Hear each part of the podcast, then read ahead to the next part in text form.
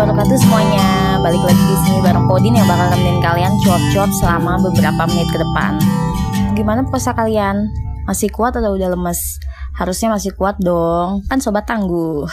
Mumpung udah memasuki bulan Ramadan, gue mau ngucapin selamat berpuasa untuk teman-teman yang muslim.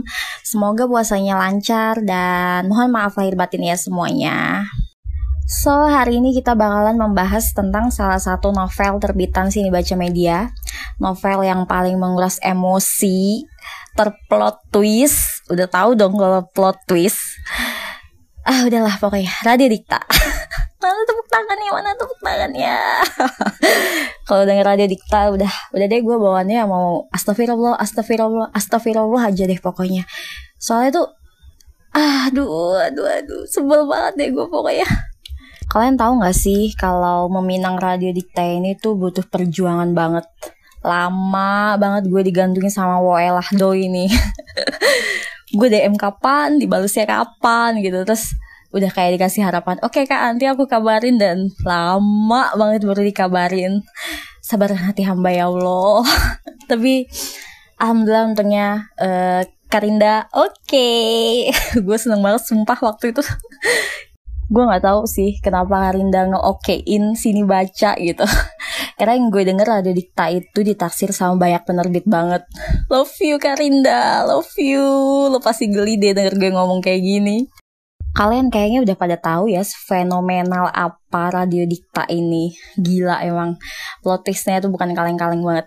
Dulu yang baru baca pasti speechless nggak tahu mau ngomong apa selain ngasih sumpah serapah sama si autor ya gak sih gue juga soalnya canda autor jadi radio dikta ini bercerita tentang dikta si penyiar radio kampus dikta ini tipe cowok ganteng yang agak canggungan gitu uh, dia tuh ganteng, terkenal, tapi ya agak-agak misterius karena dia jarang berbaur sama yang lain.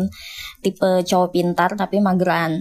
Yang belum kenal Dikta kayaknya bakalan nganggep doi ini madesu alias masa depan suram deh kayaknya karena dia tuh mager banget. Malam minggu juga kagak keluar dah. Uh, kalau nggak ada apa-apa enaknya di kamar doang gitu. Pokoknya dia lebih suka di kamarnya aja. Lalu ada Kelana, uh, penyiar baru yang gayanya unik gitu. Uh, dia gaya bajunya itu agak berbeda dari cewek-cewek kebanyakan. Uh, Kelana itu cantik, gampang berbaur, tapi gedenya kayak cimol. Segede cimol doang nih badannya. Karena dia mungil banget anaknya kan, lucu gemesin-gemesin gitu uh, Kelana ini juga ceplas-ceplos dan keceplas-ceplosannya dia ini yang buat jantung Dikta itu detaknya nggak karu-karuan. Hayo lo dik, aduh dik lagi.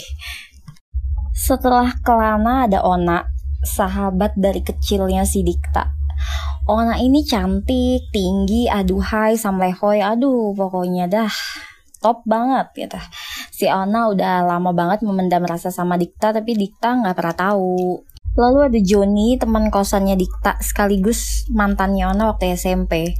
Joni ini menurut gue cowok yang paling baik sih di cerita ini. Dia tuh playboy, tapi dulunya nggak gitu. Sebenarnya si Joni ini baik banget guys. Makanya ada pepatah sih ya, playboy itu berasal dari good boy yang tersakiti. Aduh Joni. Dan ada Juna, si paling tampan di The Tampans nih. Juna ini pangeran, pangeran, kagak dah.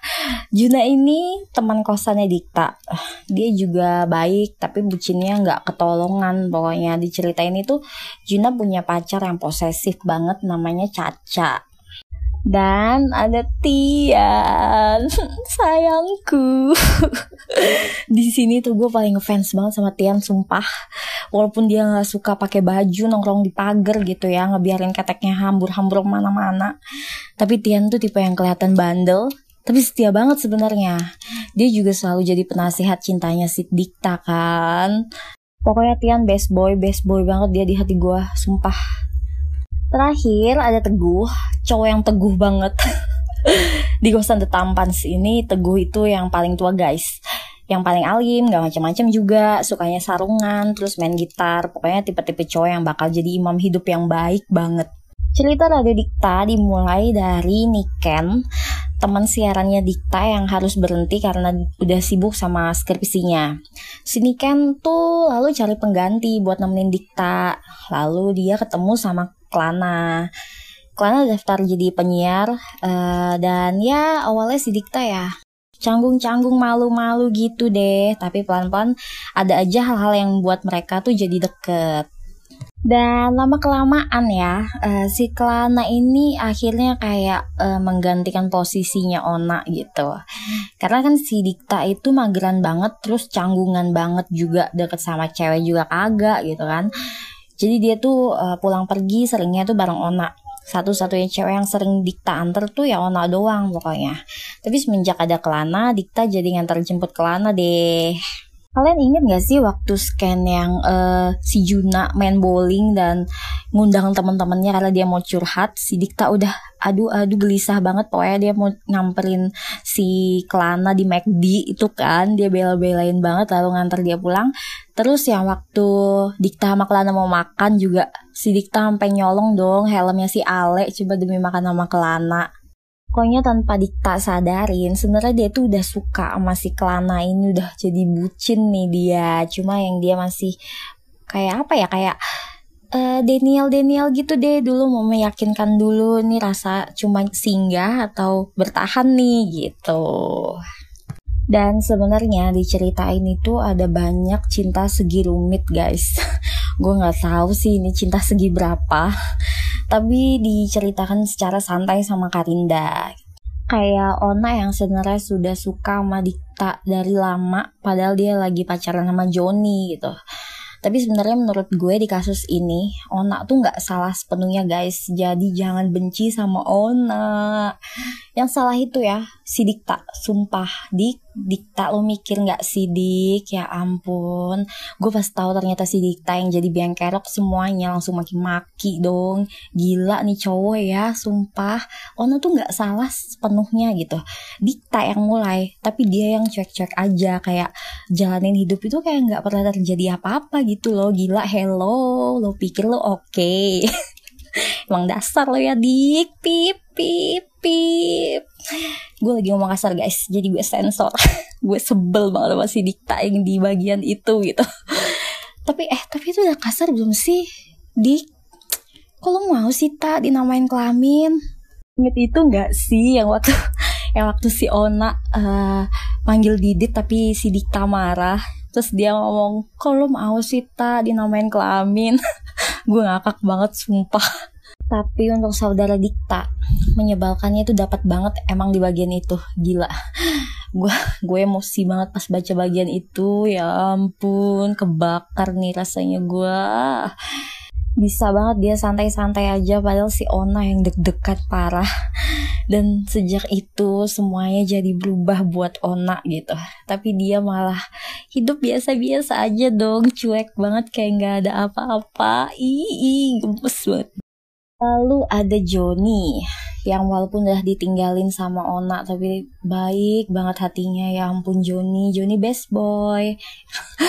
si Joni ini playboy, tapi sebenarnya dia masih cinta banget sama si Ona. Jadi dia ngelakuin apa pun buat bantuin Ona gitu. Walaupun dia ngorbanin perasaannya dia, walaupun dia tahu kalau Ona ini suka sama Dikta, tapi Joni tetap selalu ada buat Ona. Oh, so sweet dan Juna. Sebelum jadian sama Caca, sebenarnya Juna ini deket duluan sama Klana.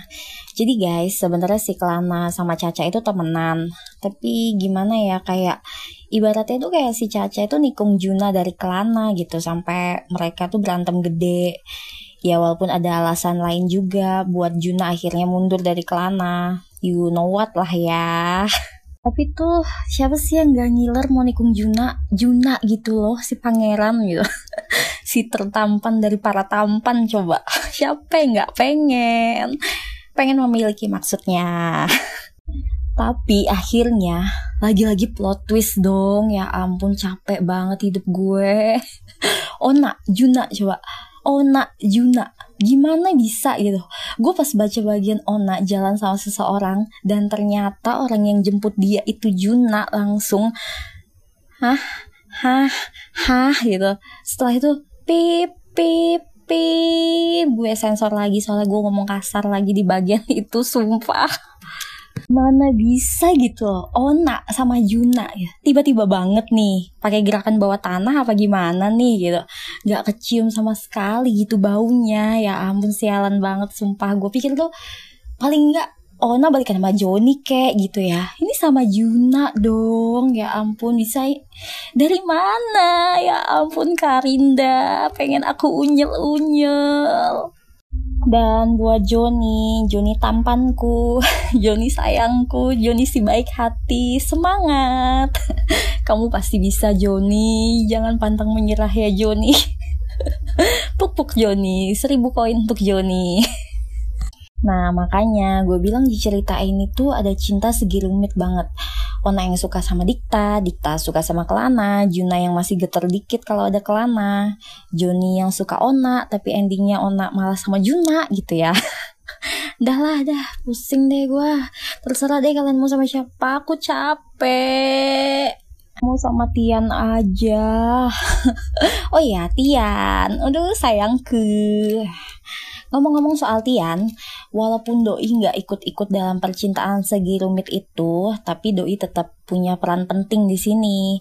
Di antara anak-anak kosan, kayaknya Dikta yang paling deket sama Tian sih. Tian tuh uh, walaupun mulut sama pikirannya kotor, tapi hatinya baik guys. Hatinya tuh lembut sebenarnya uh, suka ngasih nasihat-nasihat cinta ke Dikta yang masih pemula ini gitu. Dikta ini masih noob banget kan. Uh, suka jagain Dikta kalau Dikta sakit, setia lagi. Jadi uh, jarang ada yang tahu kalau ternyata Tian ini sebenarnya punya cewek gitu. Tapi Tian tuh nggak pernah tebar pesona ke cewek-cewek lain. Walaupun LDR, dia tetap setia sama ceweknya. Hmm, Tian. Selain mereka, ada juga Teguh, si Teguh yang kisah cintanya nggak kalah menarik alias nggak kalah tragis dari yang lain udah sibuk banget memantaskan diri nih ya udah susah-susah gitu mau ngejar S2 juga setia mau nunggu ceweknya eh ceweknya malah disikat orang lain dong Kartika kamu tega banget Kartika BTW guys, uh, Radio Dikta di Wattpad udah dibaca lebih dari 1 M. Wah, tepuk tangan dulu. Selamat Karinda, selamat Dikta. Ya. Jadi korban plot twist udah sampai 1 M ya. Hmm, mari berkumpul dan bergandengan tangan kita semua. Iya, endingnya itu emang bikin melongo banget. Gak nyangka banget. Ya ampun, kelana Dikta, nangis aja lah gue di pojokan, ya ampun. Tapi ending di novel lebih nikmat lagi nih guys. mereka nikah gak sih? Ya. Mama Dikta kan udah ngasih restu ya, sudah suka banget nih sama Kelana nih gitu. Endingnya mereka nikah gak sih? Jadi buat kalian yang belum baca, kalian bisa beli novela di Shopee atau Tokopedia, Book Indeo. Kebetulan sekarang lagi ada diskon 20%, jadi bukunya cuma 75.000 aja kalau nggak salah harganya. So buruan pokoknya harus dibeli ya.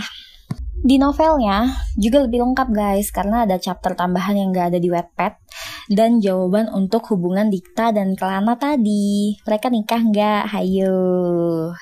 Dan buat Karinda, selaku penulis dari Radio Dikta, uh, makasih karena udah percaya sama Sini Baca Media untuk nerbitin karyanya.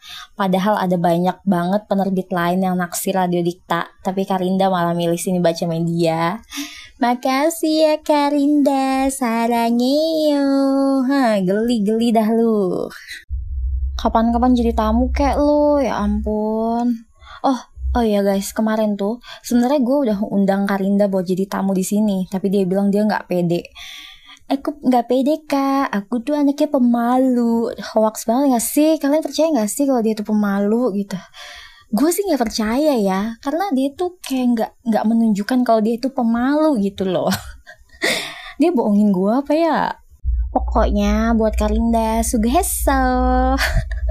Karinda sering banget ngechat gue pakai bahasa-bahasa Korea yang baru gue baru artinya gitu jangan mageran ya Karinda yuk bisa yuk bangun dulu yuk ngetik lagi yuk mudahan ada karya lain yang bisa diterbitin lagi ya gue tungguin yuk yuk bisa yuk boleh doi boleh deh semangat. Dan buat Radio Dikta, makasih udah buat banyak orang ketawa, misuh-misuh juga. Terima kasih karena udah jadi cerita yang sebagus itu. Tapi guys, uh, ini warning gue kasih peringatan. Lebih baik baca radio diktanya sehabis buka aja, jangan pas puasa gitu. Karena kalau pas puasa itu ya efek sampingnya itu apa ya pahala puasa lo tuh bakal berkurang gitu loh. kalau udah buka kan lo enak tuh ngumpat-ngumpatnya gitu. Maki-makinya enak banget nih tersalurkan banget nih. Nggak tertahan karena puasa ya kan? Eh tapi tapi sebenarnya uh, di sisi lain efek efek yang baik gitu ya. Kita semakin mendekatkan diri juga sama Tuhan gitu karena karena kita tuh kalau baca itu malah jadi banyak banyak istighfar gitu ya astagfirullah astagfirullah astagfirullah setiap babnya ya ampun kayak gue abis baca ini astagfirullah abis baca bab ini astagfirullah gitu. Jadi seimbang ya ada baik dan buruknya juga. Terakhir uh, untuk kalian semua yang bucin banget sama cerita ini uh, makasih juga ya. Tetap dukung Karinda terus karya-karya Karinda yang lain. Pokoknya tetap dukung Karinda terus. Karinda for presiden kita dukung Karinda jadi presiden minggu depan Dan jangan lupa juga selalu jaga jarak, jaga hati, jaga pikiran karena lagi puasa guys. Pakai masker, kalau nggak penting nggak usah keluar-keluar takutnya malah belok ke tempat makan ya, di rumah aja pokoknya. Selalu sehat semua yang sakit semoga cepat sembuh. Kita ketemu lagi minggu depan di Pot Indeo. Yo yo yo yo.